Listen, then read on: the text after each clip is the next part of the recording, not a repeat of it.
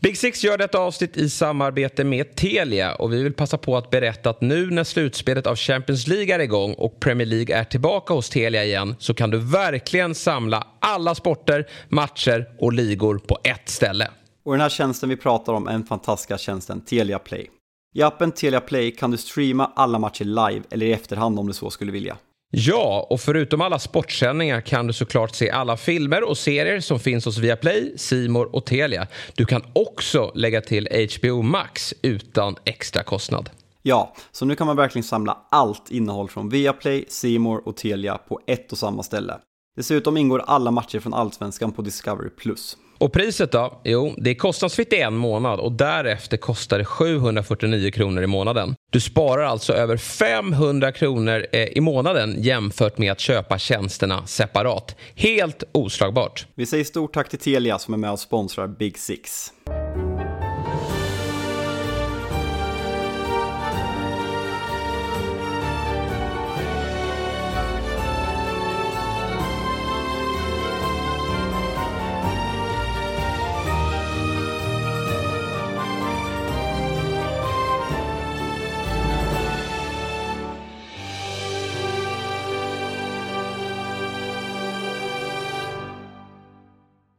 Då hälsar vi varmt välkomna till ett nytt avsnitt av Big Six. Det är tisdag förmiddag. Igår kväll kom Fabian Jalke, Jalkemo hem från sin födelsedagsresa nere i Italien. Men bara eh, några timmar senare här under morgonen faktiskt så skickade han in handduken. Han blev eh, lite krasslig på resan. Så därför har vi fått snickra ihop ett eh, program via redaktionen här borta hos Dobb. Och det blir inte vilket program som helst utan vi har med oss två riktigt fina gäster. Jag har med mig vid min vänstra sida här eh, David Fjell. Mm, äntligen. En. Jag var ju med i det första avsnittet av Big Six. Sen försvann du. Sen försvann jag. Ja. Du, eh, men du har följt den engelska fotbollen slaviskt. Det vet man ju om man följer dig i Fotbollsmorgon och Eurotalk såklart. Mm, ja, absolut, det är min liga. Ja. Förutom allsvenskan. Och jo- en jobbig säsong eh, har du ju bakom dig. Med ditt Chelsea. Ja, fr- eh, mer frustrerande än jobbig. Mm. Ska jag säga. Vi kommer in på Chelsea här alldeles strax. För vi har också med oss eh, ytterligare en gäst. Jag vet inte Oliver Jernberg om du har varit med i Big Six tidigare. Visst har du det? Du var ju med i webb-tv-formatet. Men visst har du också gästat oss i poddsammanhang? Ja, en gång. Eh, jag har ju varit med två gånger. En gång när vi, eh, som du sa, i webb-tv-formatet. Då var ju eh, precis innan, jag tror, jag för mig att det var precis innan eh, den andra vändan av pandemin. När ligan stängdes ner. Eh, sen var jag med i höstas, avsnittet innan drottningen gick bort och en eh, omgång vi skulle snacka upp blev framflyttad. Så vi får väl se vad som händer här framöver. Precis. Det blir väl kanske ingen... Va, hur är det nu med eh, Ramsey? Aaron Ja, Ramsey? precis. Så fort han gör mål så är det någon kändis som dör va, dagen efter. Eh, det är lite samma med dig då, Oliver, att det matcher ställs in Ja, eh, när du har gästat oss. Men du är ju kunnig inom engelsk fotboll och det är framförallt då det ljusbolaget i Manchester som du håller på och det är ju en viktig match ikväll mot Leipzig Mm. som stundar. Ja, verkligen. Och det är, jag har haft en, eh, jag hade det redan innan jag gick in i det här mötet men jag har ganska dålig känsla inför. Leipzig. Ehm, Det ska väl egentligen mycket till, alltså City ska ju vinna det här till slut Mm. men jag vet inte, det, det är väl någon känsla av att Pep, vi vet Pep har um, får för sig mycket konstiga grejer när det ska vankas Champions League. Ehm, och här senast, det har ju att göra med lite skador och eh, Kyle Walkers eh, skandalrubriker, men att han ställer upp med fyra mittbackar och det, det såg väldigt krampaktigt ut och så vidare. Det, det, det känns som att det är lite, inte så mycket harmoni i City just nu så att jag är eh, eh, gå in med den här matchen med en eh, liten klump i magen måste jag ändå säga. Mm, vi ska snacka upp Mm. den och snacka ner matchen mot eh, Palace alldeles strax. Men vi kan väl börja då i Chelsea-led. Eh, och eh, det är ju ändå kul att du får gästa oss den här veckan. För nu har det lägger ni en, en bra vecka bakom er i just Chelsea, David. Och det Eh, var ju länge sedan. Ja, men exakt. Det är ju tre raka eh, matcher med, med seger. Leeds var ju den viktigaste liksom, självkänslemässigt eh, att, att vinna mot. Är det viktigare än att slå Spurs? De- det är de två Mm. som är. Spurs förlorar vi mot och det hade inte inte flygit alls om vi hade förlorat i ligan mot Spurs och sen nästa omgång mot, mot Leeds. Då hade det blivit eh, kris på riktigt. Vill du, att, vill du att Leeds ska åka ur? Är det på den ja, nivån? Ja, ja. Ah, okay. absolut. Mm. De ska inte ha, det var där uppe överhuvudtaget. Eh, så det är ju ett, ett, ett, lag som vi inte gillar. och där, eh, där kom ju en seger, ganska krampaktig på något sätt. Eh, och, eh, men ändå tre poäng som var sjukt, sjukt viktigt. Som gav någon form av framtidstro till matchen mot Dortmund. Eh, som där tycker Chelsea gör en jättefin insats. Eh, I synnerhet Kai Havertz som, som i, Dortmund, i matchen mot Dortmund visar liksom hur bra han är. Eh, och jag vet att det finns folk där ute som inte tycker att han är på den nivån som vi i Chelsea vet att han är på. Jag har väl efterfrågat lite mer jämnhet i prestationerna. Vi har ju sett honom blixtra till och vara bra. Men att han också ibland går och gömmer sig när Chelsea någonstans måste luta sig mot honom. För nu har han ju klivit upp på den nivån med tanke på alla anfallare som inte riktigt tar chansen och kan bära den nummer nio så är det ju faktiskt Havert som ska leda anfallstrion. Och det... Jag tror man måste förstå också vad han är för typ av spelare. Jag tror att man har läst honom fel om man tror att Havertz är en som man ska luta sig mot. Eh, utan Havertz är jävligt bra i lag som där det finns andra stöttespelare när han kan bara vara en, en, en fri fågel. Plus att det har tagit väldigt lång tid för Potter att hitta en bra roll för honom. Nu är han ju helt liksom, fri i sitt rörelsemönster. Eh, runt, alltså han kan droppa ner emellanåt, han kan ligga som nia och så vidare. Eh, men allting hänger faktiskt ihop ett steg bakåt. Och, och eh, med Enzo och Kovacic så mm. har vi äntligen ett, miss, ett, ett mittfält som kan jämföras, jämföra sig med Kovacic och Jorginho eller Kovacic och, och Kanté. Eh, men som ni hör så är det Kovacic som jag kommer tillbaka till hela mm. tiden. Han mm. är instrumental tycker jag i, för att Chelsea ska fungera. Och det här är ändå en match där eh, skadelistan är brutal. Ja, mm. fortsatt. Ja, eh, och där Mudryk får chansen, men man känner fortfarande inte att han är där. Eh, det, det är ju första matchen som han är förblindad av. Ja. Det är när han är där. Och så tror man att nu kommer bara flyga, men det gör han inte. Han har ju problem att anpassa sig. Chilwell tycker jag gör det ju svinbra och det är härligt att han får trycka dit hemmasupportrarna som var på honom redan i borta. När vi hade dem hemma i höstas eh, så har de varit på honom eh, och även innan det.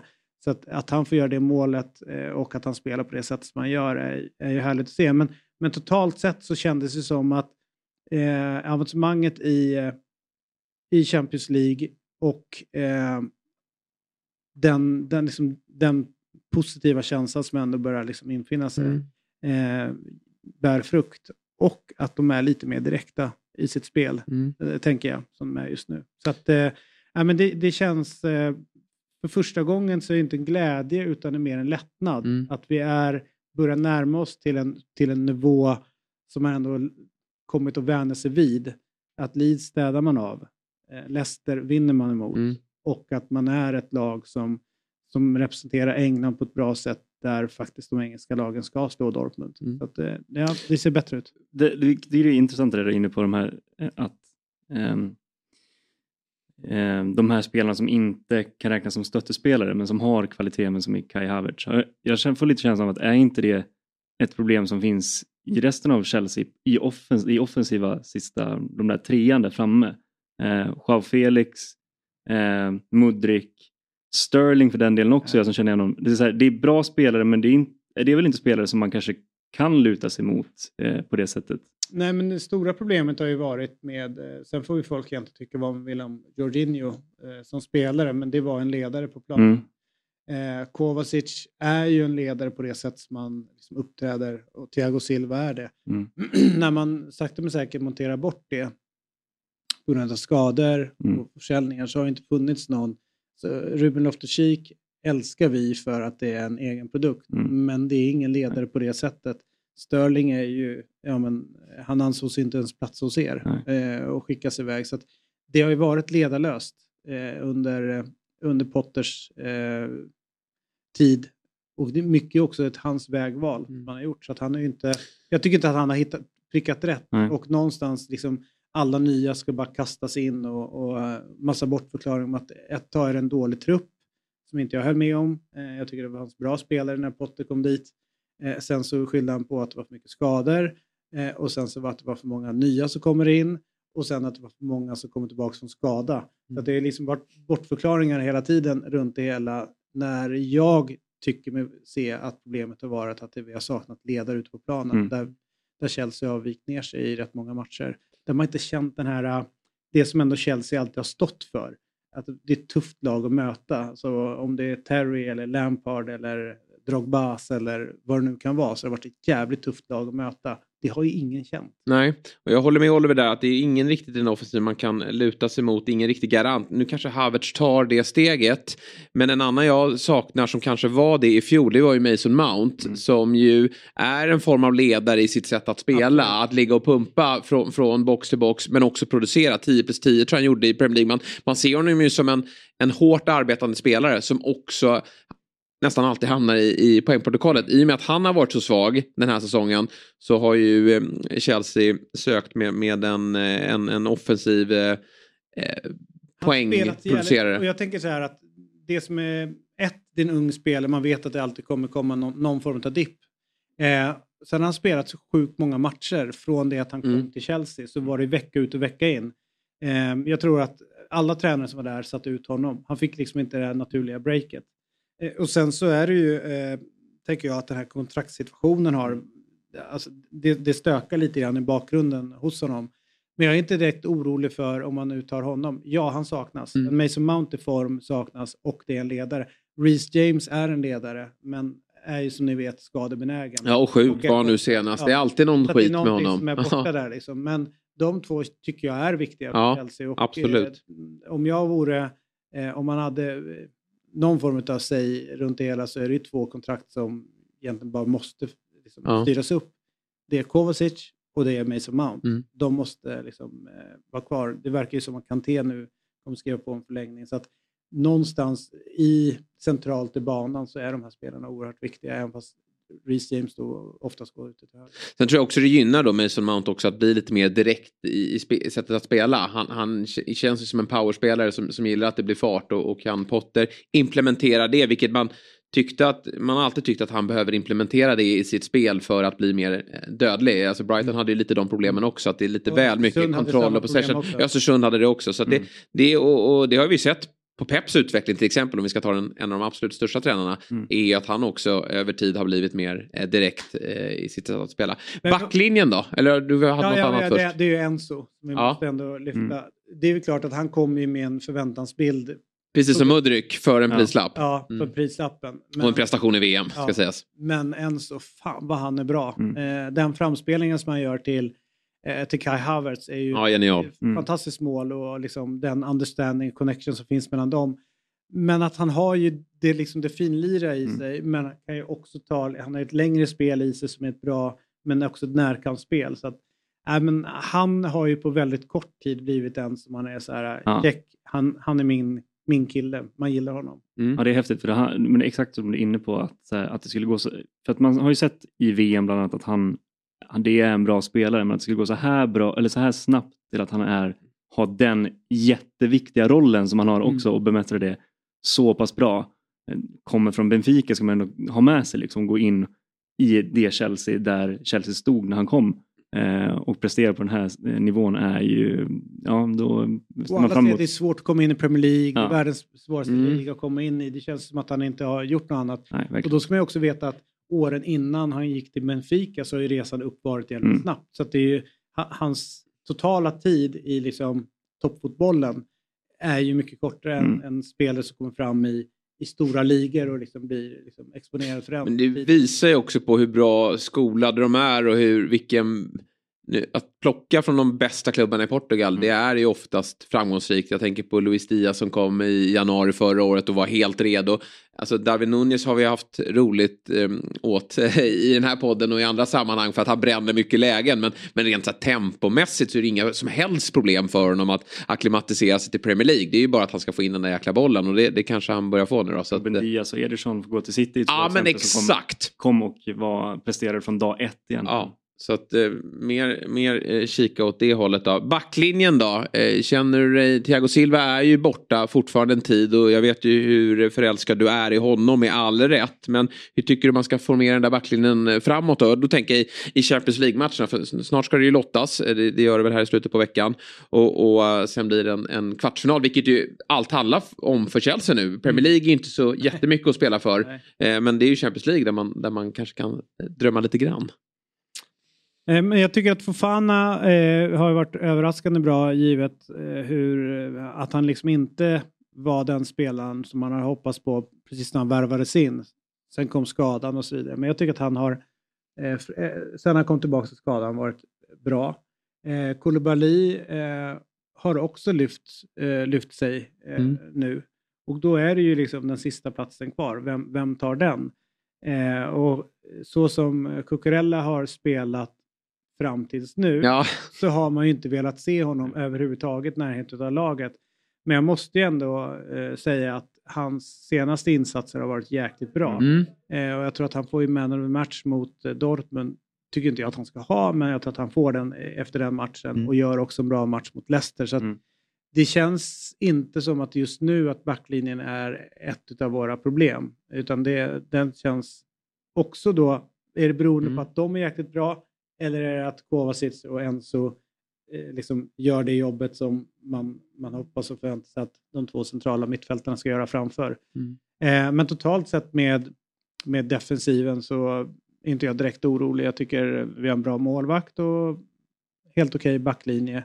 Inte lika bra som med Thiago Silva, för han är ju ditt monster. Mm. Eh, han är ju fortfarande inte världens bästa, skulle jag säga. Men eh, jag är inte direkt orolig. Cucurella eh, eh, plus i kanten för hans senaste insatser. Mm. Så det ser bra ut. Ja, men du är fortfarande inte helt övertygad om, om Potter då ändå? Eh... Jo, alltså, här, om man ska ta Potter-grejen då. Så jag, det är väl klart att jag har varit skitfrustrerad över resultaten. Och jag hade älskat att det blivit samma utveckling som när Pep tog över mm. er eller när Klopp kliver in i i, uh, i Liverpool eller, eller De Serbi när han kliver in i Brighton att det, det, det får effekt. Det klickar direkt. Mm. Det Vissa tränare, och Ten Hag också får man ju säga, ja. även om han har en jättetuff start första två matcherna. Men det är det som är så jobbigt ibland när man hör om den här långsiktigheten hela tiden. Och så är det ju vissa tränare som får träff direkt. Ja, eller Tuchel Ja, in precis. Och, och liksom, Vi är vana vid det. Ja, det blir, och Chelsea, liksom, det är någonting med för oss att lära oss också, men den gamla regimen Alltså både Roman Abramovic och Ken Bates. Mm. Där rök du om du inte mm. levererade. Precis. Så det är liksom någonting som, som har varit vårt DNA. Sen så sitter andra supportrar och garvar åt, åt oss att ja, ni har inget tålamod och så. Nej, men vi fostrade i det. Mm. Det har aldrig varit tålamod i Chelsea. Det är prestera eller dra. Alltid. Du väljer bara sådana klubbar? Ja, eh, och, eh, Hur är du där hemma? Exakt. Ja, men, eh, det är väl jag som får prestera idag. Eh, och nu, nu har vi då eh, slagit in på någon annan, en annan linje, men det är klart att när det kommer ut rapporter om att till och med att ledningen ändå börjar liksom fundera på eh, är det här lätt, rätt? Är det Luis Enrique kanske som ska göra det här, ta det vidare, eller är det någon annan? Men Potter är ju, eh, det som sipprar ut är att han är sjukt uppskattad bland spelarna. Mm. De gillar verkligen han och det, det han står för. Jag är ju mer liksom eh, då eh, tänker så här, okej, okay, men om Potter har de här ledaregenskaperna som vi känner till, eh, borde man inte börja fingra på hans assisterande då mm. istället? Mm. Eh, för det vore ju helt häpnadsväckande om man hittar eh, två stycken, en, en i Östersund och en i Skottland och sen så att det är de två som är de världens bästa assisterande. Vi har pratat lite grann om, om eh, vad som gjorde att eh, United var så bra under Sir Alex. Det är inte att han var världens bästa tränare, utan han eh, bad i folk att koka upp någonting som han ville se. Men det var ju Brian Kidd från början, det var Steve McLaren, det var Muhlensteins och det var ja, men, alla Queros. möjliga, mm. Carlos Queiroz och så mm, vidare, så, som har funnits där, som ansågs vara världens bästa eh, liksom, assisterande tränare, alltså göra det ute på träningsfältet. Och det är också, kolla din klubb vad som händer ja. runt, eh, runt City. Mm. När, när de tar in, han har ju ändrat ganska mycket på sina assisterande, alltså de som är bakom honom. Mm. Och medan i Chelsea så sitter de liksom så här, nej, vi, vi håller fast vid de här. Mm. Jag tror, innan man börjar plocka och fingra på Potter, så bör man se vilka som han har med mm. sig och vilka som bedriver träningsverksamheten. Och Det är bra poäng också där med, kolla på City till exempel, då, sen Arteta lämnade den assisterande rollen tog det ett tag innan Pep eh, och City började trumma igång igen. Mm. De behöver hitta de här sina... Eh, Pep tror jag speciellt behöver sin liksom, eh, andra snubbe och bolla med. Mm. Eh, det tar tid mm. eh, men när det sitter så då sitter det verkligen och det där tror jag är verkligen en viktig poäng att eh, lyfta fram. Och jag förstår väl att Potter trivs med, med Hamberg, Björn Hamberg som han har jobbat med i Östersund. Men det kan väl vara bra att utmana Potter lite grann också. Att han får lite nya influenser och nu är han ju faktiskt i en, i en eh, större klubb. Och det finns väl plats för, för fler i den där ledarstaben mm. kan jag tänka mig. Absolut. Så att det är nog eh, klokt att, eh, att, att bredda det där.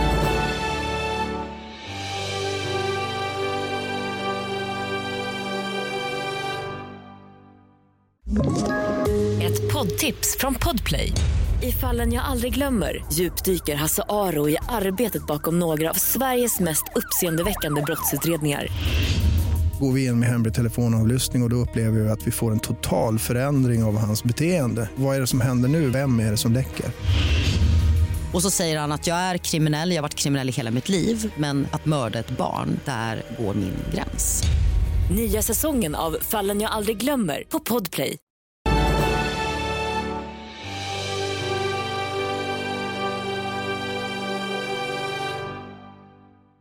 Ja, men, men eh, otroligt att vi sitter här nu eh, och med känslan av att det har vänt ändå. Eh, lite nej, grann för nej, men det, jo, men det, ja, men det så här, Jag satt och kollade på, um, de hade, på, på BT Sport så, så gick de igenom liksom, eh, ja, men vad, hur ser det ut, alltså någon form av eh, fotbollskvällsliknande grej.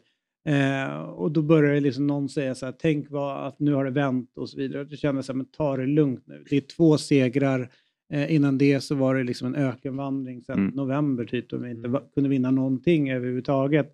Så att man, man får vara försiktig med så att man inte känner att det är en jävla purhussegrar, att nu är allting frid och fröjd, nu, nu är allting som vanligt igen, utan det gäller att bygga vidare på det här och liksom se så att de får upp en, en streak av segrar och liksom verkligen börja visa att det här är inte en tillfällighet.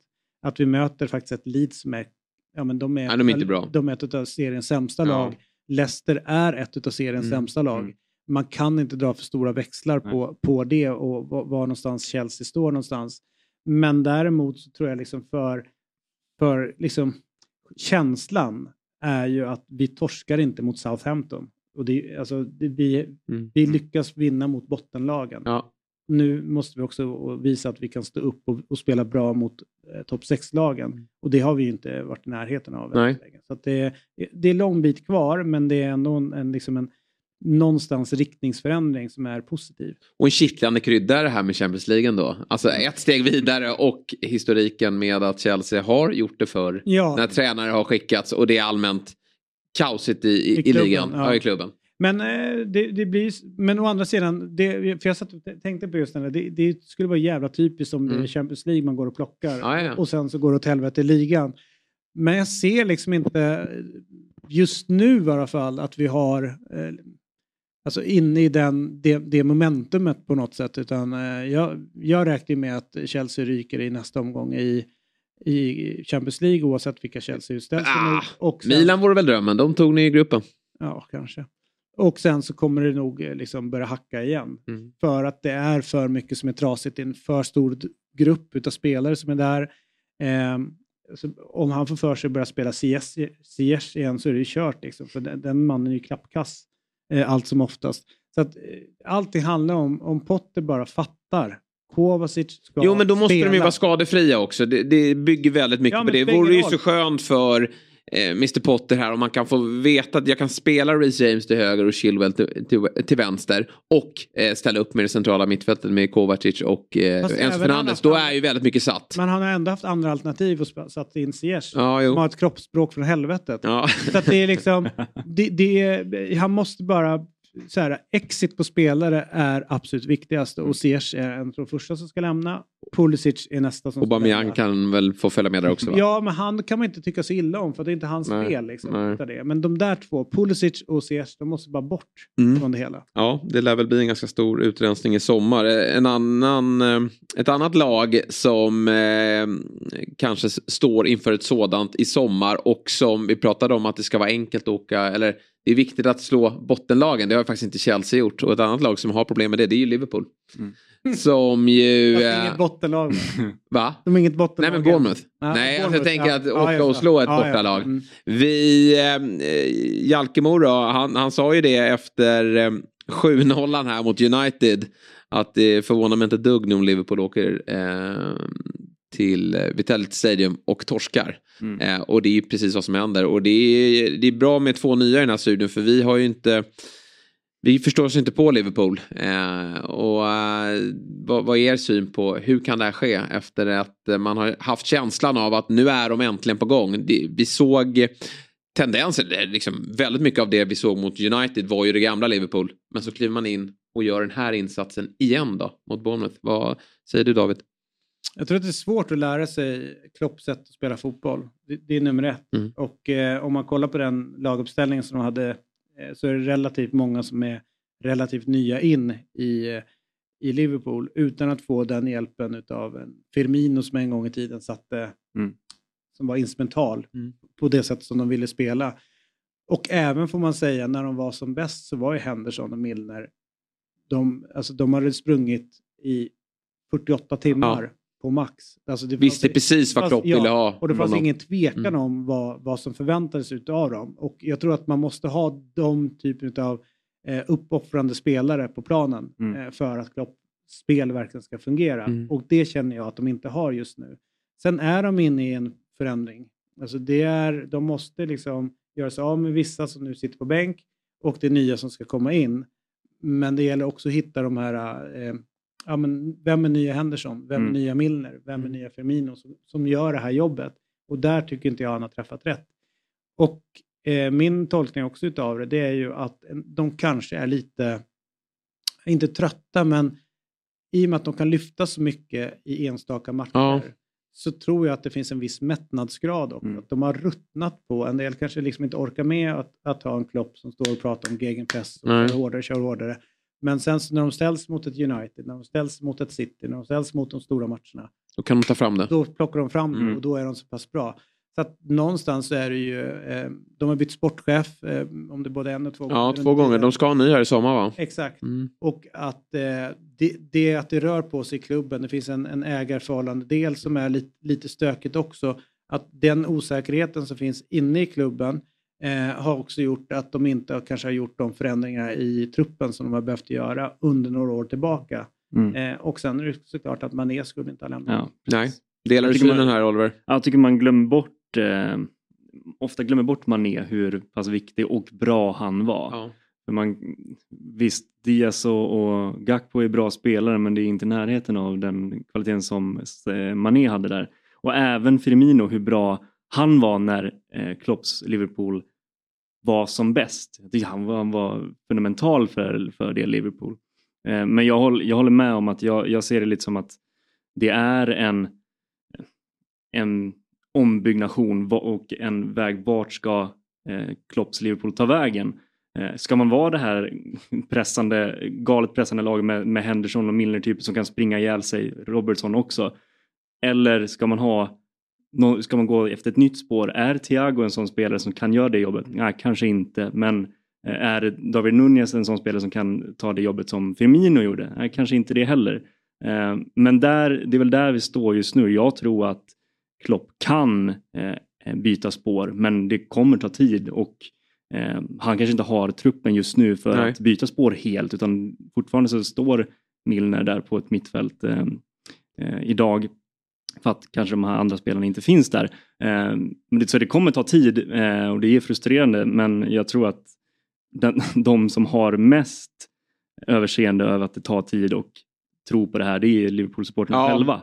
Så att, han har ju stort förtroende, precis. han har ju omfamnat hela det där ja, men, laget och staden och alla mm. älskar honom och det, trots att det har gått motigt i år så känns det ändå som att de, de flesta står, eller nästan alla, mm. står bakom honom. Men det är frågan om han har orken själv. Även om, alltså, han kanske säger det utåt men, mm. men det krävs ju en, en, en ansträngning från honom och, och, kommande sportchef och hela ledarstab och, och det, dessutom ska han ju lira med, med de nya ägarna då, vilka, vilka det, det, nu blir. Då, om, det blir, om det nu blir Jag ska bara säga det att det, det är ju också så här hur, vi, vi pratade om det i Eurotalk, att eh, liksom hur hur tunn den här linjen är.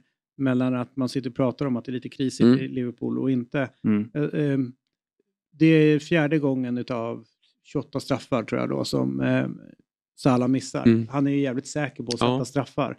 Men det är första gången han missar hela kassen, alltså inte sätter den på mål. Mm. 1-1 där och så vet man att Bournemouth, ett, om de får 1-1, då vänder hela momentumet Mm. i den här matchen. Mm. Och då ser jag framför mig att Liverpool vinner den här matchen och då har vi inte den här diskussionen. Nej. Så att det är liksom, hur djup är krisen, hur långt är ett Mm. snöre? Alltså det, jag ser ingen kris Nej. egentligen, och eh, det är ju Fast en sportslig kris ser vi väl ändå att det är. Både och, men sett ur perspektivet att de är inne i en eh, liksom, övergångsperiod. Jo, så är det. Skulle jag vilja säga att Men den såg man inte inför säsongen. När eh, vi såg Community Shield här, eh, Liverpool City, eh, Liverpool vinner den matchen. Ja, men För Mm. mig var det ju, det handlade som vanligt bara om två lag. Och, och till och med kanske att Liverpool, nu visste vi att City hade fått in Haaland, men, men Liverpool skulle verkligen kunna utmana. Så att, att de ligger där de ligger, nu är det väl inte vi hela tiden i, ehm, jag och Fabian, byter åsikter kring vilka som är favoriter till den här berömda fjärdeplatsen. Och, och eh, om Liverpool var det förra veckan så är det ju svårt att säga att de ska vara det nu när Spurs och Newcastle faktiskt går och vinner på, på lite småimponerande sätt. Eh, och, och då eh, en, en, en sjätteplats och ett uttåg i Champions League här i veckan.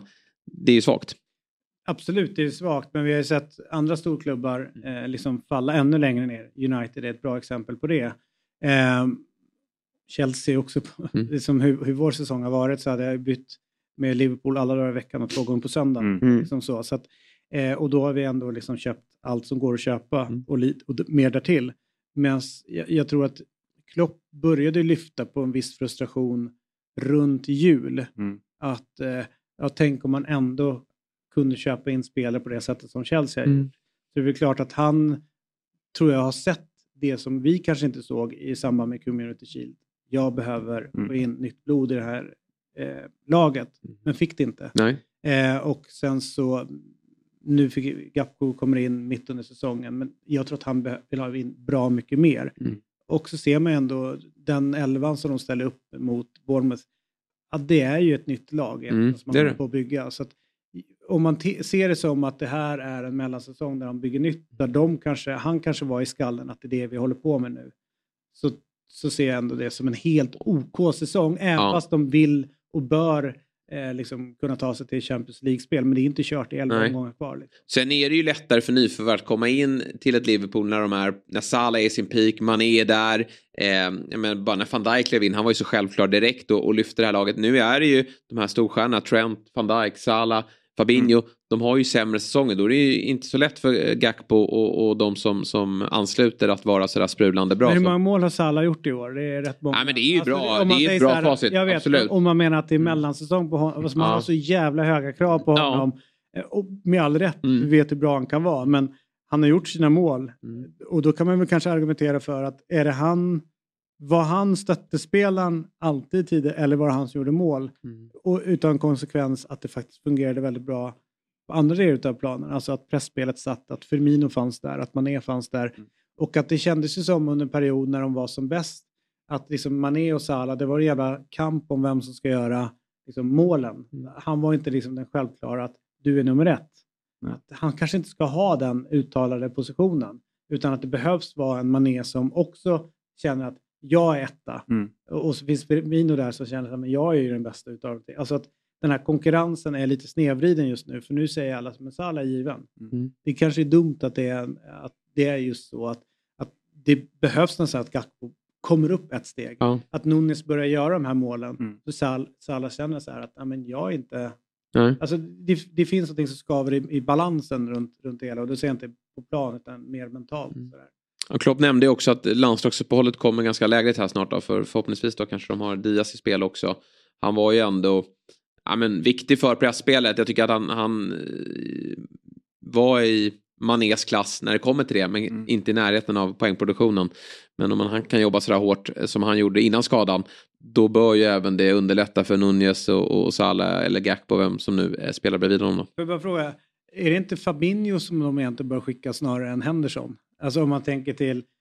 Henderson får väl bli, får väl bli nya Milner, Ja, tänker jag. precis. Att han får täcka upp när det, när det saknas och, och folk jag och att han inte... när man ser Fabinhos Ja. språk och liksom, ibland vissa matcher man har sett så har han varit så här, men fan, men det, tag i det här. Det är en usel säsong. Sen var ju riktigt bra mot United. Men det blir så konstigt med den matchen. Det går knappt att prata om den för den sticker ut så mycket. Där, där var ju alla precis som de var i förra säsongen. Men det vi såg i, i lördags är ju lite mer av det Liverpool man har lärt känna den här Då ser han ju liksom ja, då, ser, ja, då är han inte alls bra. Det, där är ju ändå, det där tycker jag ändå är en, en, vad ska man säga, en häftig fråga. För det där är ju lite så en, en Fabinho som har varit så otroligt bra och så otroligt viktig för Liverpool i flera år. Det är lite av en Real Madrid-övning att eh, skicka en sån spelare, eh, tänker jag på Casemiro eller Ronaldo, och för att man ser att vi behöver faktiskt göra den här eh, förändringen nu innan det är för sent eller innan det eh, går åt helvete på den här positionen. Eh, så att jag, eh, nej, det är absolut en jättespännande tanke att, eh, att det är där det skaver faktiskt. Mm. Hitta en ny lösning. Men jag vill bara säga innan vi lämnar Liverpool att någonstans, eftersom att jag känner att jag är trygg med att Klopp kommer få fart på det här igen. Kanske inte den här säsongen men nästa säsong. Eh, vi har ju sett Liverpool vara i svacka under Klopp tidigare. Jag tänker ja, men främst på säsongen när van Dijk går sönder. Mm. När det såg också uselt ut i perioder. Men de kommer tillbaka igen och, och jag tror inte sådana här äh, vindar, även fast det känns som att Klopp i press och i media är direkt påverkad och svingar vilt mot journalister och så vidare, men jag tror att han är han är jättetrygg i det här och vet vad eh, fast besluten om att det här ska. Det nu efter Bournemouth-matchen. Ja. Där var han lite upp, eh, uppgiven. Ja, mm. och liksom... Och, en ny Klopp. Alltså, ja, och det är nästan som Christian Borell säger att det, det var nästan, man börjar nästan checka ut när man är så ärlig mot sina mm. egna liksom, misstag. Jag, nu säger jag inte att han kommer checka ut, Nej. men det var, jag vill ju ha liksom, en mer uppjagande mm. Klopp i det här läget. Det var lite alltså, Potter över honom. Ja, lite, lite för trevligt. ja, du vet, så här, ja, nej, men det där är för dåligt och det där måste vi titta, men sådana där mål får vi inte släppa in.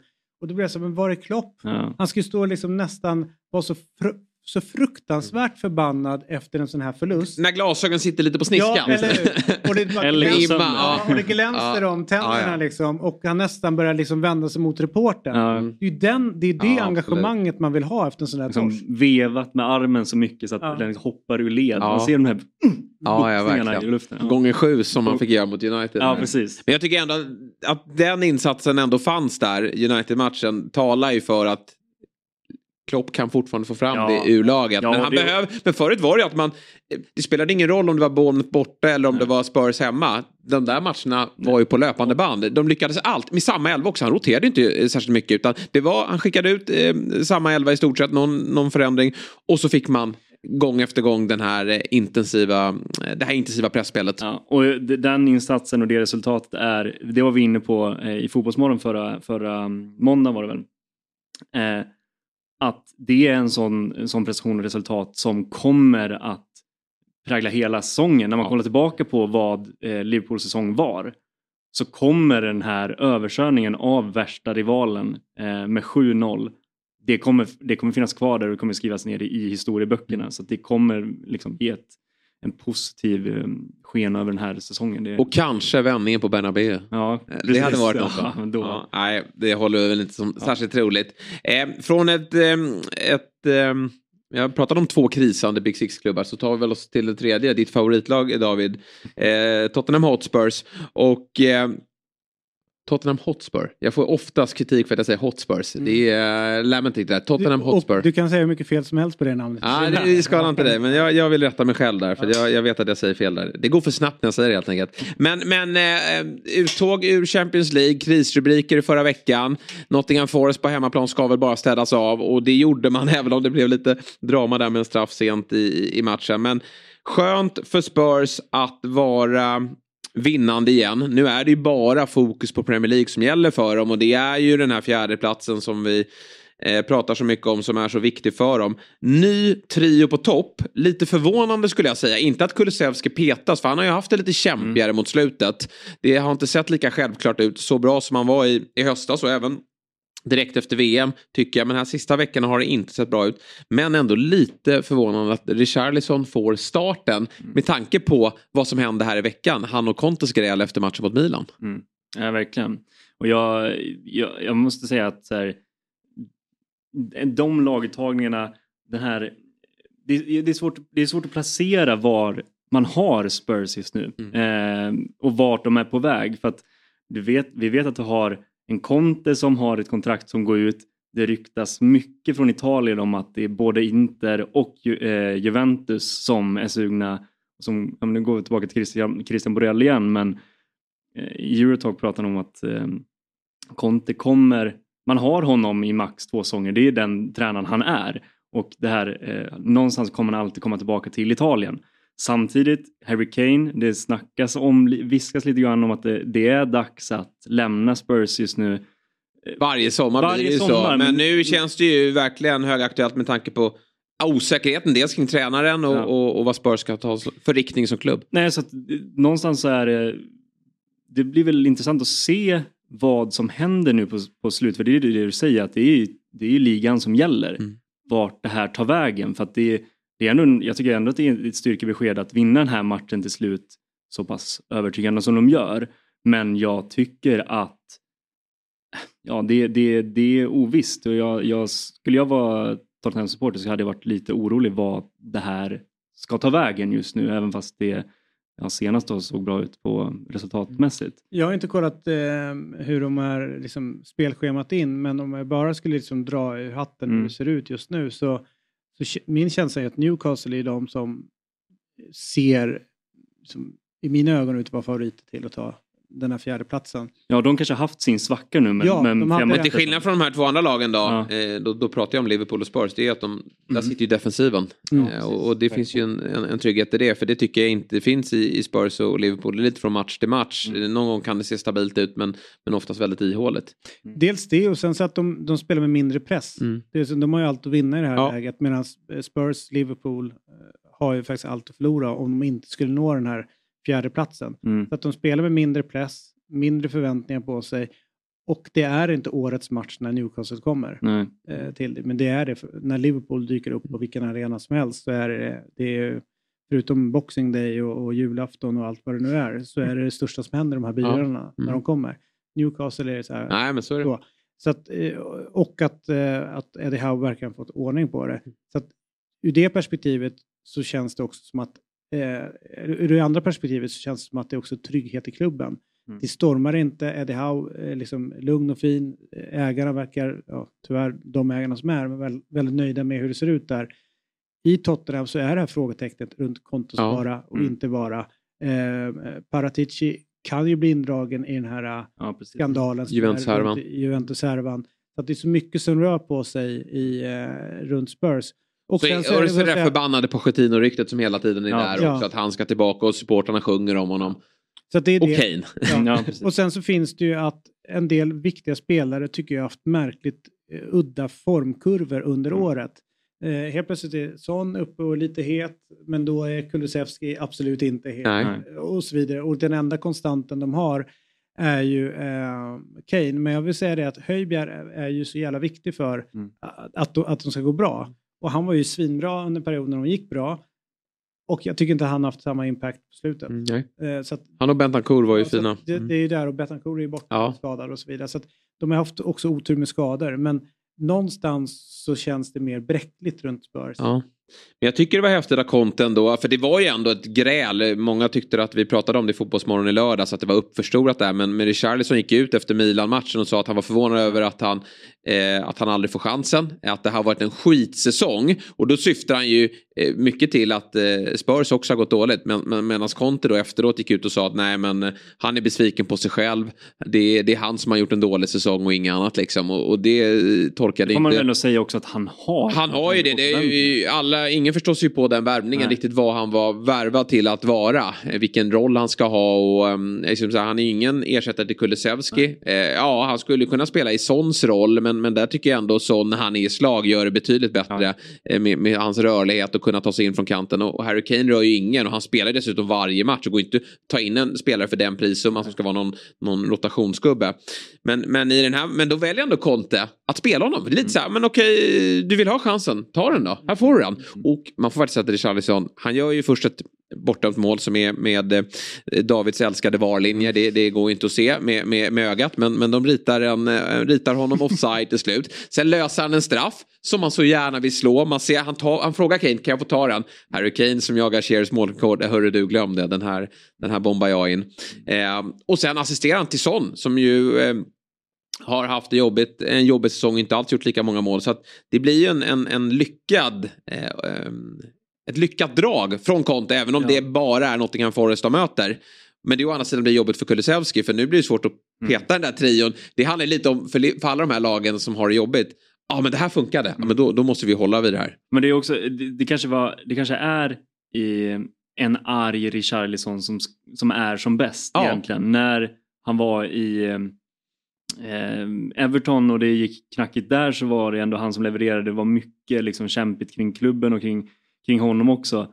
Så att ja, om eh, Conte kanske hade liksom helt eh, ja, men kände av eh, hur stämningen var och hade helt rätt att nu är han så här förbannad och ilsken. Då ja. är det perfekt eh, tillfälle att slänga in honom. Att låta honom eh, visa upp det här och brinna lite grann. För det, det kan även, det kan jag sakna lite grann hos Kulusevski ibland att det där tända igång och mm. verkligen det här eh, vara lite fult i, i, i spelet också. Att det saknar Kulusevski lite grann ändå. Och, och Richarlison har ju det har ju verkligen det i sig och eh, ja, nej, men det kanske är bara en... Och äh, jag menar, Richarlison i form, då är han ju produktiv. Då, då gör han mycket mål och har man, får man igång sån, det gör ju också att det blir jobbigt att försvara sig mot Spurs. För, ja. för bakom dem då, eller bredvid dem, har vi Harry Kane. och, och uh, superlativen räcker väl inte till nu. Är det visserligen två mål mot Nottingham Forest, men, men eh, åtta mål på skallen i år. Jag tycker han lite som Zlatan har utvecklat, det är häftigt tycker jag med anfallare som utvecklar saker i sitt spel löpande. Och satan vad bra han är på skallen alltså. Mm. Eh, det är häftigt att se för det där är ett riktigt klassmål när han sätter in den i bortre. Och eh, Harry Kanes framtid är ju alltid osäker. Men eh, det spelar ingen roll för honom utan han, Nej. han är en konstant. Han levererar alltid. Det som är coolt med honom är ju att eh, dels har de den där uh, One Season Wonder-grejen när han slår mm. målrekordet. Mm. Men att han, han har aldrig lämnat, eh, han står stadigt kvar på, med fötterna på jorden. Mm. Eh, och precis som du säger så är han ju oerhört noga med sin träning eh, och att han, eh, liksom, he, alltså, oavsett vad, så ger han alltid 100% ute på plan. Du ser ju aldrig Harry Kane med ett dåligt kroppsspråk. Nej med en dålig attityd eller någonting. Utan För i sån här match så skulle han ju kunna vara frustrerad. Man åkte ut Champions League, man, man har ingen rolig tabellposition. Exakt, ja, ytterligare en säsong där, ja, det där det inte blir liksom. någonting. Nej. men, han bara fortsätter ja. pumpa på. Så att det är ju, om man liksom ska ta spelare som man eh, verkligen skulle önska, alltså spelartyper till, till ens lag, så är det ju Harry Kane. Det ja. finns ju inget lag som inte skulle vilja ha en Harry Kane i sitt lag. Eh, utifrån att det gnälls inte på sidan om. Det är, liksom, det är aldrig något stök runt honom. Och det känns som att liksom, i, menar, vissa matcher ser man honom långt ner på egen planhalva för att ta jobbet. Mm.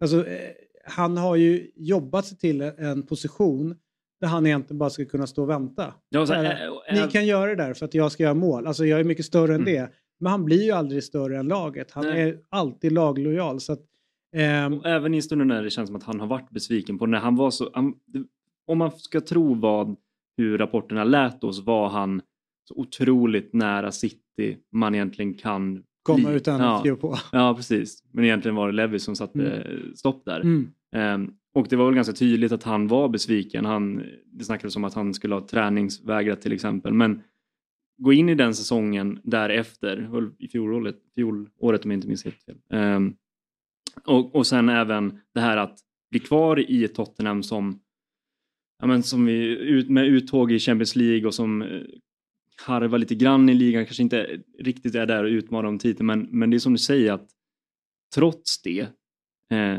så presterar han varje match, eller i alla fall är, spelar med hjärtat och eh, ja, men är viktigast mm. för, för klubben. Mm. Eh, och är väl egentligen sett till, nu hatar jag uttrycket, men nummer nio. Men ja. så, ja, man kollar runt i världsfotboll och så tänker man så här, vem är bättre Nej. än Harry Kane? Mm. Alltså i den positionen. Och vem är, bra, vem är så bra på så många olika egenskaper ja. som Harry Kane? Det, det är ju Benzema som är väl är motbudet att vara så komplett i, i, mm. um, i det övriga spelet. Uh, men, men han är ju lite, kanske har en sämre säsong bakom sig nu då. Ja, och spelar ett bättre lag. Ja, det gör han ju. Det, att, precis, liksom, det, det är jättebra. kanske ett ja. fjärde, femte lag ja. i, i engelska ligan. Men han är alltid uppe och gör flest mål. Ja. Och det gör han år ut och år in. Så... Passerade ju 20 mål då. Eh, det är sjätte gången han gör det. Och eh, det är 11 matcher kvar. Det är ju Haaland-hysteri såklart. För att han gör så otroligt många mål i ett betydligt mm. bättre fungerande lag. Men man glömmer lite Kanes säsong här. 20 mål har passerat. Hans målrekord, han har gjort 29 mål två säsonger tidigare. Mm. Och med 11 matcher kvar så är det faktiskt görbart från honom nu. Ja. När det verkligen är en jakt. För liksom, det finns ju saker att spela för här. Och då är han också ett lag som är kontetränat som är ja. liksom, till sin natur ligga lågt. Och ja. liksom defensiva medans i ett pepplag så hade det ju liksom varit ja, alltså det, det eh, mer bara, bara tanken vad som hade hänt om han hade tagit eh, steget till City. Och jag tror ju att eh, Kane hade varit ett bättre, en bättre lösning. En, en Håland ja. ja. absolut. absolut. Även fast Håland kanske är som rent avslutsmässigt är ett monster. Alltså han gör ju verkligen mål på allt. Men du får ju så mycket mer av en fotbollsspelare i Harry Kane än en Håland.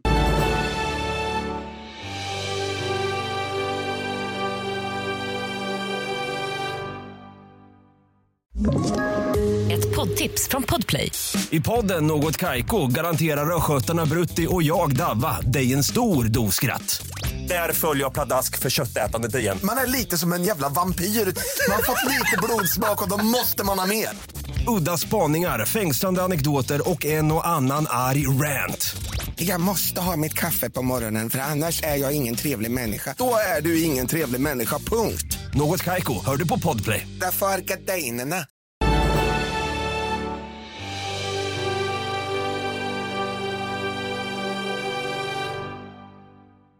Spurs framtid är ju lite osäker när det kommer till tränarposten. Men jag tycker ändå att Conte visar det här. Ja, ja, vi pratade i förra avsnittet om att det kanske är bättre att bara rycka plåstret nu. Han verkar ju ändå inte vilja vara kvar i sommar. Och det blir nästan bara jobbigt att, att ha honom runt omkring klubben just nu. Men han visade väldigt mycket känslor här och han har uttryckt sig att jag, jag, jag är beredd att dö för den här klubben. Alltså jag mm. bryr mig väldigt mycket om det. Eh, men, men samtidigt så hör man rykten om att det är, ja, men inte kanske byter tränare. Juventus eh, kanske tar tillbaka honom och han har familjen. Han, han saknar Italien. Mm. Men det är, med tanke på att han visar de här känslorna så är han nog rätt man att leda laget i mål i alla fall. Mm. och sen får Spurs ta, ta ett omtag i, i, i sommar. Även fast jag vet att i Spurs, eh, jag är ju ett gäng kompisar tyvärr då som har börjat hålla på Spurs sen, sen tidig ålder. Ja. Och deras frustration är ju monumental runt eh, Conte därför att han står ju för en fotboll som de absolut inte Nej. gillar. Nej. Eh, och liksom, sett ur det perspektivet så, så vore det olyckligt om han fick fortsätta. Ja, men, kolla Sheffield United i, i kuppen där. Åka till ett lag från en division lägre ner och ligga lågt. Mm. Det är ju helt otroligt. Både perspektivet att de är ett bättre fotbollslag men också perspektivet att det är Spurs. Mm. Spurs är inte ett mm. sittande lag. Spurs ska spela vacker fotboll. De ska vara framåtlutande. Och i synnerhet en match mot Sheffield United. Då ska de liksom inte ligga lågt och liksom satsa på kontringar. Nej. Så att liksom hela identiteten runt Spurs med Conte är ju på något sätt fel. Och han kom ju in med mandatet att det är en vinnare. Med honom så kommer du liksom gå för titeln. Och man ser allting som är runt Spurs. Ekonomin finns där, arenan finns där, träningsanläggningen finns där. Alltså allting är ju på plats. Utan det är ju bara hans liksom, feghet. Och egentligen då måste man då säga kanske det taktiska runt eh, Conte som inte riktigt är on point. Det var ju diskussionen i Juventus. Ja, visst, du kan vinna ligan. Men det kunde inte med Sarri göra. Mm. Eh, och, eh, men så fort det gick ut i Europa och det blev liksom andra taktiska utmaningar så fallerar han ju kraftigt. Och någonstans så blir det nu när man går upp mot världens bästa spelare, världens bästa tränare, att han kanske kommer lite kort ut i de här taktiska matcherna som ändå uppstår. En som jag hade gått för om jag vore eh, Levi och eh, Spurs, det är Deserbi. Ja, jag skulle just ja. nämna honom. Det, där har de ju den nya Pochettino. Ja. De ska ja. inte ta tillbaka den gamla, Nej. utan där har de den nya. Ja. Det hade ju varit helt perfekt ja, för Spurs. Absolut. För då får man en fotboll som både publiken kan identifiera sig i mm. och en som kan ta den taktiska, ja, mm. taktiska liksom, kampen mot mm. de andra. Ja. Och det känns ju som att det absolut kan bli aktuellt där i sommar. Så bra har det gått för, för Brighton. Mm. Ett lag som är eh, vinnande redan nu det är ju ändå eh, Arsenal som eh, haft en liten tuffare tid bakom sig får man ändå säga. Sen har man ändå tagit de här tre poängarna eh, och, och presterat väl. Men eh, vi har varit inne på att det har varit kanske en liten formdipp eh, spelmässigt. Att man inte riktigt kommer upp i den här självklara nivån. Sen har det varit några tuffa matcher med, med, med City bland annat. Men här mot Fulham senast så tycker jag att det, det såg sådär otroligt bra ut igen. Första halvlek är är brutal faktiskt mot ett Fulham som har gjort en, en, en riktigt, riktigt bra säsong. Saknar visserligen ankaret på mittfältet där, Palinja i den här matchen. Men vi pratar om i, Liverpool hur svårt det är som nyförvärv att komma in i ett lag som inte funkar. I fjol kom Luis Diaz in mm. när Liverpool funkade och var väldigt bra. Leandro Trossard ja. kommer från Brighton in här. Och eh, det tog lite tid innan han fick speltid för det var inte eh, behövdes ju inte förändra så mycket i Arsenal, allting satt där. Men sen så kanske Eden Ketja inte fick målen, eh, att han eh, slutade leverera mål och så blev han skadad och nu har Trossard klivit in. Mm. Tre assists och uh, kan ju vara den här guldvärvningen faktiskt. Ja, verkligen. Och det är ju också häftigt att så här, det, det var väl ganska tydligt att Arsenal gick för, för Mudrik i mm. första hand. Att Trossard inte var första valet. Fan att de inte tog Mudrik. Ja, det här ja, är också sådär nu... talande för en klubb som är välmående. Det blev inte den värvningen som vi hade tänkt att lägga typ 600 miljoner mm. till på. Mm. Utan vi fick nöja oss med Trossard. Precis. Som, blev, eh, som, kom, som, som gör det så otroligt bra och blir den första, jag tror jag såg något sånt här, det är väl riktigt hittepå statistik, men första spelen att göra tre eh, assist i eh, första halvlek någonsin ja. i Premier League. Men, men jäklar vilken... Eh, att få den impacten i, i det här skedet av säsongen. Och jag tycker att det är jättehäftigt att se. Det var vi också inne på när vi pratade i Fotbollsmorgon tidigare att eh, Arteta har han har nu en förmåga att få spelare att se ut som att de är eh, mästare eller som att de tror på att de är mästare åtminstone. Sinchenko, Gabriel Jesus, det vet vi att de har vunnit tidigare. Men de har aldrig varit de här spelarna som liksom har lett ett City och som går in med en sån självklarhet att vi ska, vi ska fan vinna den här matchen. Men kolla på Sinchenko nu, kolla på de andra spelarna som, som har anslutit under eh, Arteta till Arsenal. Det är spelare som han höjer de spelarna både liksom på planen men kanske framförallt mentalt tycker jag. Att man ser att det är en helt annan, det är ett helt annat driv, ett helt annat eh, mentalitet på de här spelarna. Mm. Och det är Trossard har ju, är ytterligare en sån träff. Han går ju också in och verkligen eh, driver på när han, när han ja. är inne på planen och eh, ja, nu får han eh, resultat i poäng Han dessutom. flyter runt så fint också. Ja, han har lite olika roller och, och, kan ibland attackera centralt och det är ju Alltså, man ser ju mycket av Peps fotboll i, i mm. eh, Artetas fotboll mm. såklart. Eh, och, och, en spelare som också är helt eh, fenomenal här. Jamie Redknapp gick ut med ett uttalande här om att vanligtvis brukar jag säga att Kevin De Bruyne är ligans bästa spelare. Men nu är det Martin Ödegård mm. Som är nummer ett. Ja. Han är o, alltså, overkligt bra ja. nästan och overkligt jämn. Mm. Det är liksom, han faller liksom nästan aldrig ur i, i ramen. Och som också tänker är att komma in i Arsenal så stor klubb som ändå är kaptensbindeln på ah, ja. i ett ganska ungt lag mm. och vara den som leder det. Liksom, kanske inte med det man har varit van vid med en Tony Adams eller Keones eller du vet, så här, riktigt tunga eh, lagkaptener. Viera, du vet vart det är tunga, ja. du vet det smäller på, mm. man kan ta det. Utan han gör det med, eh, och kanske inte heller står och skriker och är där, utan han gör det med, liksom, med hur han spelar. Mm. Eh, vi pratade om eh, Harry Kane tidigare. Det här är ju en som är alltid, liksom, du får varje match han mm. spelar så får du en 100% liksom, eh, insats. Mm. Eh, det är inte så att han traskar runt och hänger med huvudet utan det är jobba tills domaren blåser av. Mm. Och sen så kommer både poäng och, och alltså assist och mål av honom. Så att, jag är så sjukt imponerad ja. av Ödegård. Jag, jag såg inte att han skulle vara så här pass bra nej. i den här ligan. Nej. När att han, han växlade upp, nej, att han växlade upp till världsklass. Nej, eh, jag, jag, tänkte också så här, men det där blir väl spännande mm. under en, en, en, spansk tränare och, och uh, kanske att han kan ta Arsenal till en Champions League-plats, att han får vara ordinarie i ett sånt typ av lag och hitta någon roll där. Men han är ju, eh, ja, det är många som är viktiga. Det är väl det också deras styrka är. Att de, de, de står inte och faller på en spelare. I den här matchen gör inte Saka någonting. Men det, det, finns ju andra spelare som kliver fram då. Och precis som vi var inne på när vi pratade om ett problem i Spurs lite grann. Att, inte, att de inte får det riktigt att klicka med vilka som är på plan. Alltså när en spelare är i form så, kan en, så är en annan spelare i form också. I, i Arsenals fall så känns det som att, som du är inne på, när Saka har en, har en match där han inte, inte att han är inte ur, eller att han är i form, men att han inte gör poäng. Då är det Martinelli som gör Mm. poäng. Eller så är det nu då Trossard som gör poäng, eller Ödegaard som gör poäng. Det, det känns som att det är otroligt tryggt i Arsenal att det kommer lösa sig. Det, det står som sagt inte och faller på en spelare eller på ehm, ja, på... Nej, men sen, säga, sen är det ju också systemet, alltså att Ja. alla verkligen har köpt in på det som Arteta vill göra. Mm. Det, kolla hur de jobbar för varandra Mm. hela tiden. Ja. Eh, och det är liksom ingen som faller i ramen. Det är ingen som liksom inte tar det där, de där sista meterna eh, Mm. ofta efter. Eh, Så att det är ju det är någonstans där som jag tycker är a- att de har lyckats få i- ihop det. Och att man märker att det är en grupp som trivs tillsammans. Alltså att det är, det är elva spelare på plan men också de som sitter på bänken är lika liksom Mm. glada Ja. för liksom de andras.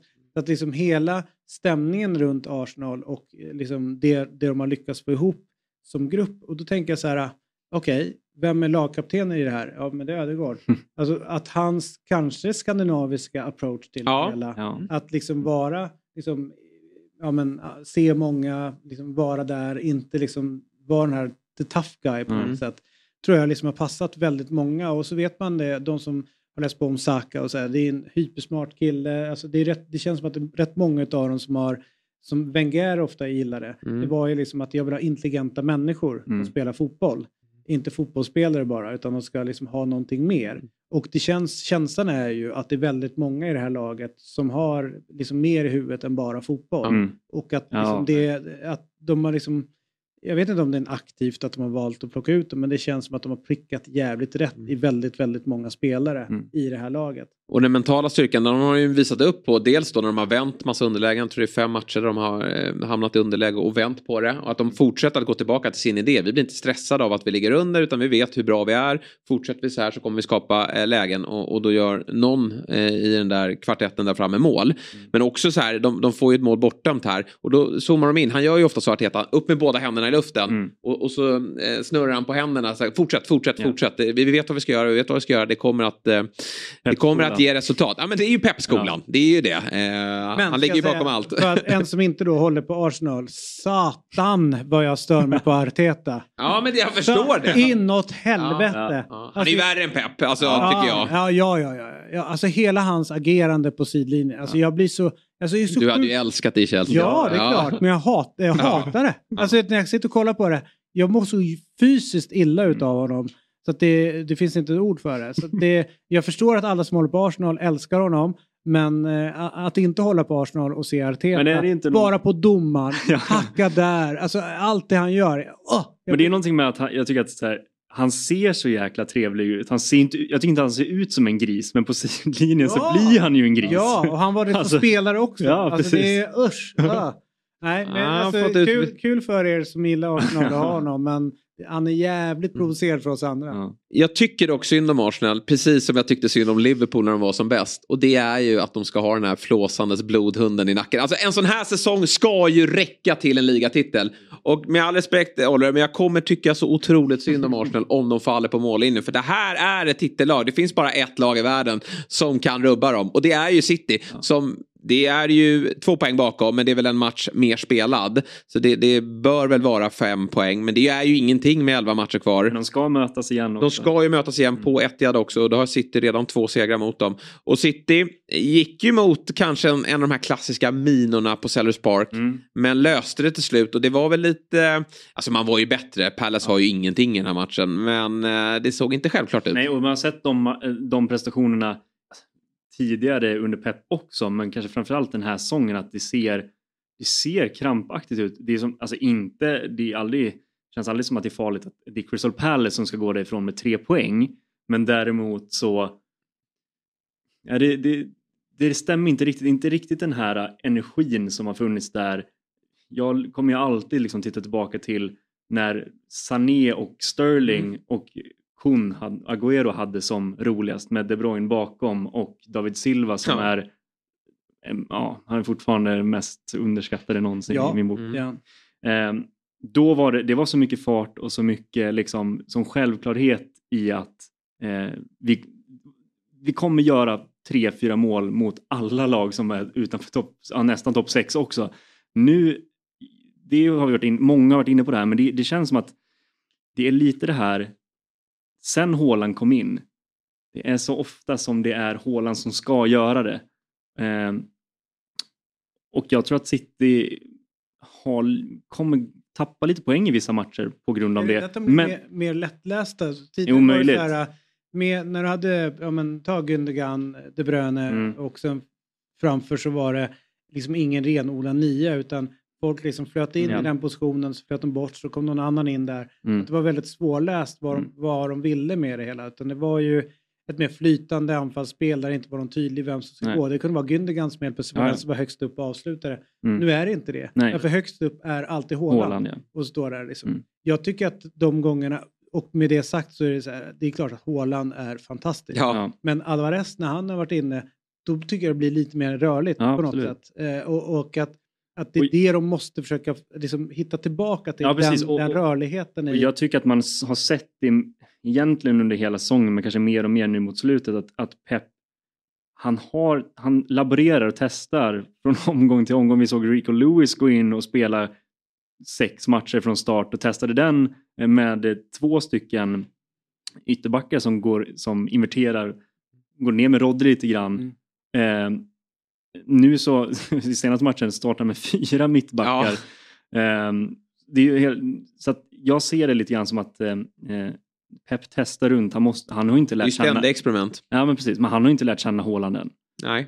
Ehm, Eller är det inte så att de, det, för jag satt och kollade på eh, någon BT-sändning, eller om det var Sky Sports, att det är snarare också att de spelarna inte har lärt känna nej men precis. Nej. Därför att de visade på, om det var sju, åtta eh, tillfällen varje halvlek, Mm. att om de istället för att liksom tar in bollen eh, utan sätter den på ett Ja. i djupet så är det nästan alltid, alltså hans löpningar, Ja, de han är ligger ju- Ja, och liksom ja, ja. trycker på Ja, Och det är bara kan när- de få in dem, men de, det är ungefär som att sen när de väl ska stå dem, ja, då Mm. står Haaland offside och då Mm. måste de börja om. Liksom, sådär. Ja, jag har aldrig sett så många gånger som, eh, som den här säsongen som ett City-anfall slutar i ett svepande inlägg in i boxen. Det har liksom inte funnits tidigare i City som det gör nu. För nu är det bara, Haaland är så otroligt skicklig där och det en av sju av de här eh, inläggen som kommer från De Bruyne Ja, det, det, det räcker med att Haaland är där med ett huvud så är det 1-0 och sen så kan City bevaka den ledningen. Eh, Men, men det, det är nästan som att de har fallit i det här att det är det enda sättet de kan göra mål nu för att han har varit så skicklig, framförallt under hösten, att det blev mål på mål på mål på mål. Att det är lite grann som att de måste hitta tillbaka till, mm, är det verkligen det här sättet som City ska spela? Nej, det är nog kanske inte det vi ska Sen spela är ju. Haaland märkligt nog dålig i det felvända spelet. Ja. Det är ju det som är faktiskt ganska konstigt med tanke på att Ja. han är stor som ett Ja. utedass. Så att han borde Där liksom- finns det ändå potential tycker jag. Det finns ju något att jobba med det. Jo, jo, han det- har ju alltid stuckit i ja, men det, Dortmund. ja men det är såklart att det Ja. finns potential men om man ser på det sättet emellanåt som man vet att kanske Pep skulle vilja få upp den bollen till Mm. någon som tar emot den, lägga ner på den Ja. här mittfältet, Mm. kanske få ut och sen kan han sticka iväg. Mm. Så får de inte fast den. Att. Han tappar ju rätt många av de duellerna. Kane, som vi nämnde tidigare, är ju bra mycket bättre Ja. på det. Ja. Så Han är ju bäst. om du slår upp bollen, han låser ju fast den. Mm. Zlatan, om man då tar ett svenskt-norskt perspektiv, är det såklart att han var ju, när han var som bäst, ett monster på det. Mm. Drogba när han var i Chelsea var ju också samma sak. Liksom. Där sa ju alla att var, han var helt man tog inte bollen när han var felvänd Mm. och när han var rättvänd så var det mycket snabbare och mycket starkare. Alltså, vet, så här, Haaland har ju fysiken men Mm. han måste ju liksom utveckla den, spel, den delen av spelet också för Citys del tänker jag. Mm. När de matcherna det blev de här man, man, man, markeringarna, när United gick upp och liksom satte den pressen som de satte på, Mm. på City. Där hade de behövt en starkare Haaland i det, den typen av spel, men det får de ju inte. Nej. Så det är ju också där som är liksom någonstans att långsiktigt så tror jag absolut på Haaland, men Ja, ja. kortsiktigt så är det där de har problem. Ja men precis och det det är någonstans också det som du är inne på att och jag tror att City har en större chans att vinna Champions League med Haaland till exempel än tidigare.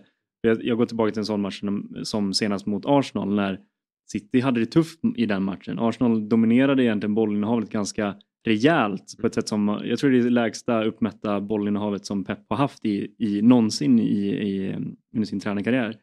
Eh, men att City går vinnande där, eh, därifrån det är för att de har den här tyngden ändå där framme och har den här nu eh, förmågan att, att eh, ja, kunna eh, avgöra och döda matcher på ett sånt sätt. Man behöver inte eh, nöta ut och trötta ut försvaret eller eh, hålla i bollen utan det finns den här livlinan i Håland. Ja. Eh, och det tror jag att de har, kommer ha väldigt eh, nytta av i just Champions League där vi ser eh, nästan, det är nästan alltid de egenskaperna som, som avgör Champions League i alla fall eh, många gånger. Eh, men, men om vi kan kolla på titelstriden så det är väl Ja, alltså, alla vet att, att City har en otrolig höjd. Det är väl bara att eh, det är lite för mycket minor som man går på den här säsongen. Eh, så att jag... Det, det, är klart att, det är klart att det är det är inte så långt ifrån den där, den där eh, ligatoppen, eller liksom första platsen. Men eh, jag tycker att Arsenal ser så otroligt självklara ut just nu och just det där inne på att de har Pep, eller mm, Arteta har liksom fått sina spelare att, att, verkligen tro på att vi kan inte förlora det här. Det är jag tycker att man ser det i de spelarna. Eh, samtidigt som, som City har eh, problem med, jag menar De Bruyne har inte varit sig lik. Nej, han är, han det är också en anledning till varför Håland inte är lika bra, eller lika bra, han gör inte lika många mål då eh, under den här våren som han gjorde i höstas. Det är ju svårt att upprepa det. Mm. Men det är ju såklart att De Bruyne inte är i, i um, samma slag. Är du orolig? Han satt på bänken här mot Pallas mm. Visserligen för att han förmodligen då eh, vilas inför den viktiga matchen ikväll mot Leipzig. Men, men känner du en oro kring det där? Ja men absolut. Alltså, någonstans så... Nu börjar han bli lite till åren. Jag tror inte att han är... Det är inte så att jag säger att han håller på att bli slut. Men någonstans så kommer väl det där när han var som bäst. Eh, vi kanske inte kan, kommer kunna se honom så bra igen. Jag vet inte. Eh, men det är klart att jag känner en oro för om City ska vinna Champions League som är målet och som har varit målet eh, nu i, ja men, hur många år då? Under hela Pep-eran egentligen. Så måste, eh, så, eller så behöver City ha Kevin De Bruyne på planen och att han är så pass bra som vi vet att han kan vara. Mm. Sen tror inte jag att det är ett lika stort problem i, i Premier League för att City har vunnit ligan utan eh, Kevin De Bruyne Absolut. tidigare. För vi vet att Bernardo Silva kan är en bra spelare. Gündogan blir nästan är, ännu bättre ja, han blir utan bättre De Ja. Det har han alltid varit. Ja. Presterar alltid ja, bättre. När Mer ansvar. Ja, ja precis.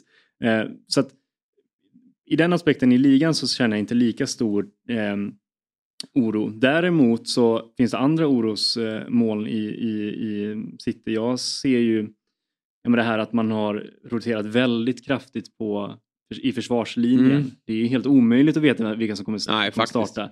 Eh, inför den här säsongen, ja, då, då är mitt självklara mittbackspar att det skulle vara Stones och Diaz. Mm. känns som att de inte spelat en Nej. Eh, match ihop. Det och Laporte är skadad hela tiden. Ja, men det har ju varit på grund av skador. Men, men Ake är egentligen den som har imponerat mest i den backlinjen. Mm. Eh, kille. ja, din kille. Eh, skulle ju tillbaka. Ja, hade hoppats på det. Mm. Men och Akanji startar bra. Nu tycker jag att han har gått ner sig lite grann. Men det är svårt att veta. Det finns inte riktigt en stabilitet där. Och sen hela eh, soppan med Cancelo, nu är det en rejäl soppa med Walker. Alltså ja. det, det, finns ingen, inte riktigt den där stabiliteten som, som kanske förra, eller i fjol när, när Ruben Diaz var så överjävligt bra och så självklart tillsammans med, mm. med Stones för det mesta som jag är väldigt svag för. Eh, men sen även... Eh, det är sjukt att man pratar om så många frågetecken i City ja, när de mm. befinner sig där de ändå är och, och kunna men, vinna. Men det är för att man har sjukt höga krav. Ja, det är ja, det med tanke på hur bra det har sett ut de senaste åren. Men känslomässigt så är det största eh, det som tyngs med City just nu, det är, eller tyngst, men eh, det är ju Fodens eh, status. Mm.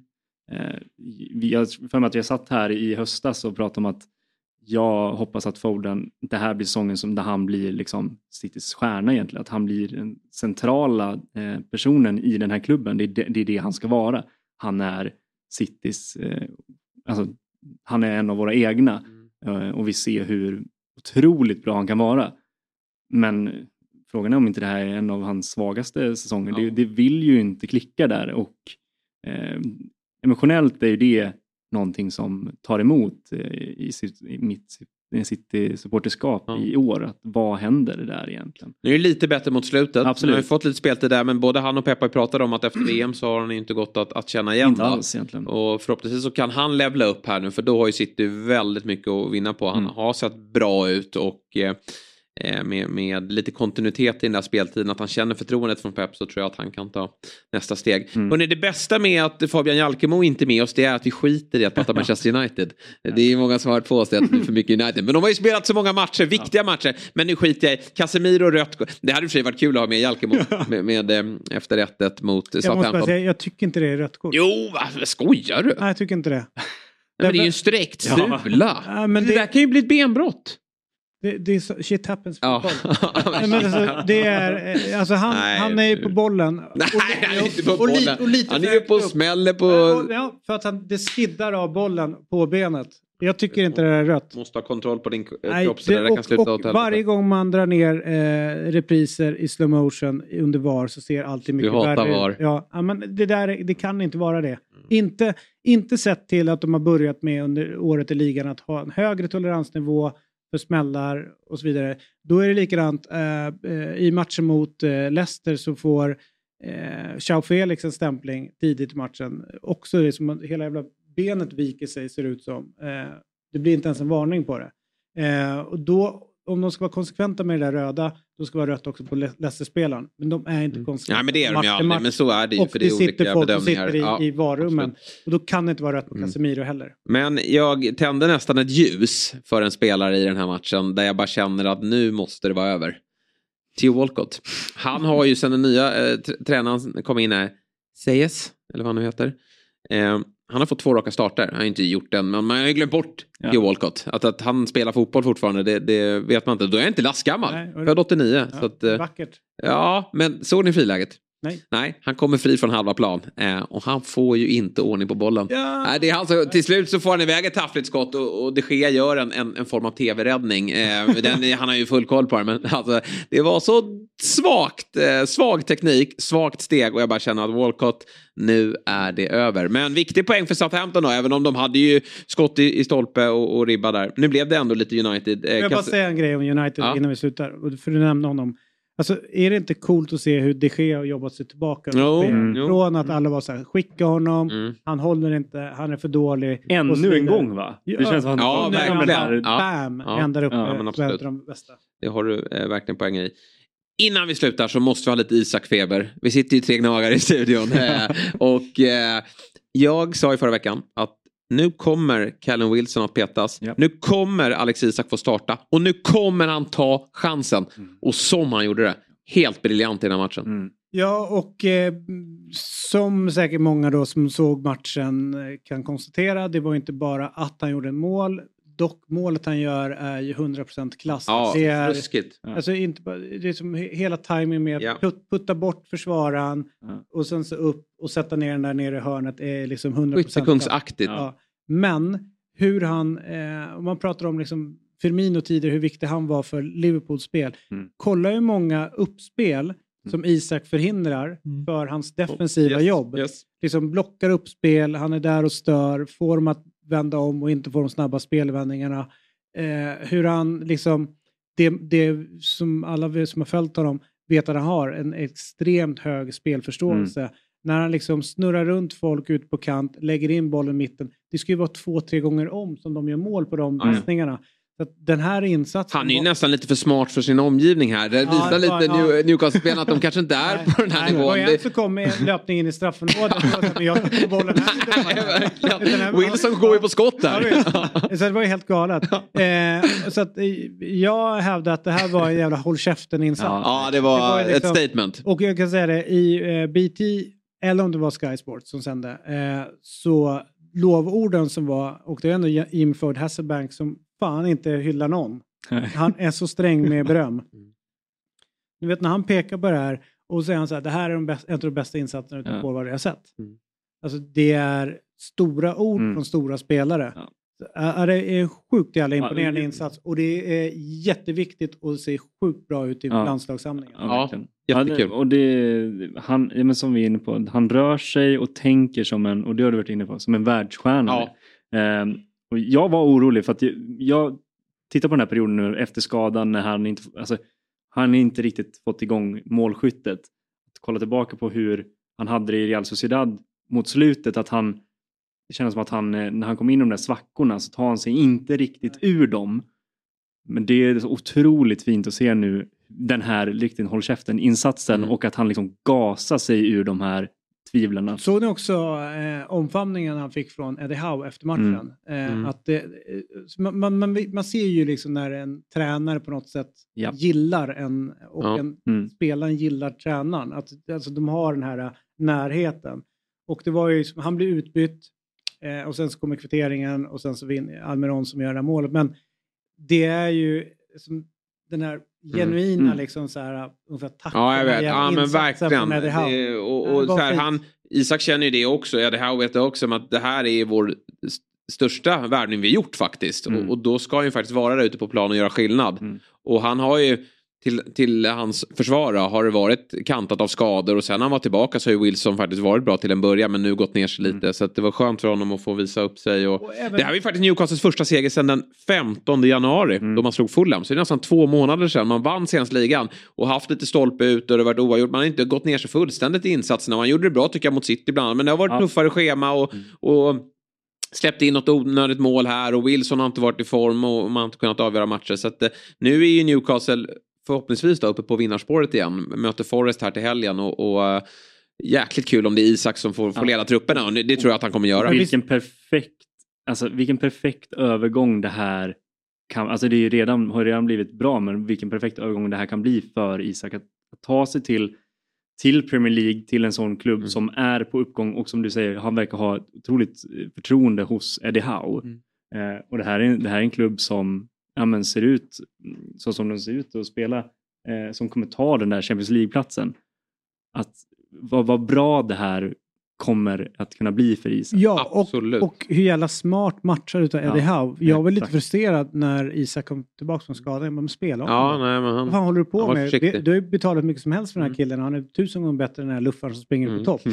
Men du vet, det var ju liksom, fick inhopp i ligacupen, byts ut efter 45 och, du vet, så här, och- man satt hemma och studsade Mm. utav ilska. Mm. Men så, ja, där är ju anledningen till att jag sitter i soffan och han står vid Ja, så är det. Alltså det är så... Det är vi glada för. Jävla, ja, jo. Eller ja, du vet vad fan. Eh, Jag är glad att jag har dig här för jag hade inte han gjort lika bra. Nej, eh, men då är alltså så här, fint matchat utav, Ja. och det känns ju som, som vi sa tidigare, att allting verkar sitta just nu runt med, med Eddie Howe. Alltså, och, Ja. och tyvärr då med rätt smutsiga ägare, vilka vettiga val de gör. Ett val av tränare, Mm. val på transfermarknaden och, liksom, Mm. och sen så nu hur han liksom mm, ja, tar hand om laget. Mm. Så känns det som att de prickar jävligt rätt hela tiden. Ja, och Ja. för att bara gå tillbaka till, till som jämför med City. Det här kan ju vara liksom Newcastles David Silva eller Agüero. Den här liksom stjärnan som kommer in och kan leda det här laget till den toppen som den här satsningen Mm. förhoppningsvis eh, tar den här klubben. Mm. Och den resan, eh, alltså Det den, kommer ju fyllas på med Absolut. li- likasinnade spelare som Mm. håller den nivån som Isak eh, är på väg att ta sig till. Så att Det det, man han, skulle vilja- de kommer förstå att den där passningen kommer faktiskt komma. Ja, Ja, men det man vill ha ju är ju på samma sätt som kanske i landslaget men även här att inte att de ska liksom reducera honom till att bli en, en, en som bara ska sticka i djupet utan Nej. de kanske skulle behöva någon bredvid honom ja, som är den som tar löpningarna. Ja.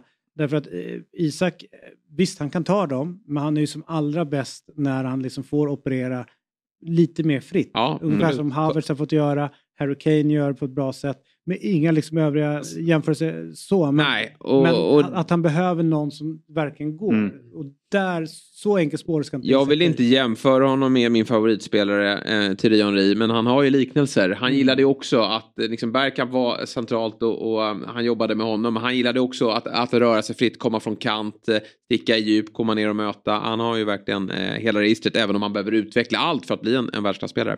Ja, men, men eh, cred till Isak, Eddie Howe och cred till er mina herrar som ställde upp med kort varsel och gjorde ett fenomenalt bra avsnitt. Kul att få höra era tankar kring Tack. Vill Premier League innan vi slutar, ni måste ju fokusera också så inåt helvete på botten sen. Ja, ja Alltså, den är, är ju- vi hade tänkt det, men det blir långa utläggningar Ja. kring Big Six. Men det gör vi på torsdag. Ja, när det vi är ses ju igen. från Crystal Palace. Ja, ja, nej, det är hela helt galet. Och är nu vann ju Everton och Ja. Bompan vann och, Ja, och det är helt galet. Leeds tog poäng, Southampton tog poäng. Det går inte att räkna ut ett lag. Det är Everton, alltid... Everton som kändes som att de redan var spelade Ja, ja. i Championship. Nu, ja, nu är de på second Ja, ja, Southampton, var också. vi räknat ut för länge Ja, sedan. ja. Nej, De de... var uppe på 22 pinnar. Absolut. En seger, smack, då hoppar man förbi tre lag. Nej men Leicester och West Ham får ju se upp. Alltså, de är ju indragna och de vill absolut inte vara där. Men bra eh, David, mer om bottenstriden i slutet av veckan när eh, Fabian kommer förhoppningsvis då tillfrisknat. Vi eh, säger krya på dig eh, Fabbe. Eller? Eller? Det får vi se. Ja. Eh, annars får ni hoppa in igen. Ja. Eh, och så säger vi tack till alla er som har lyssnat. Vi eh, hörs mot slutet av veckan då vi givetvis också ska ta ner eh, Europaspelet.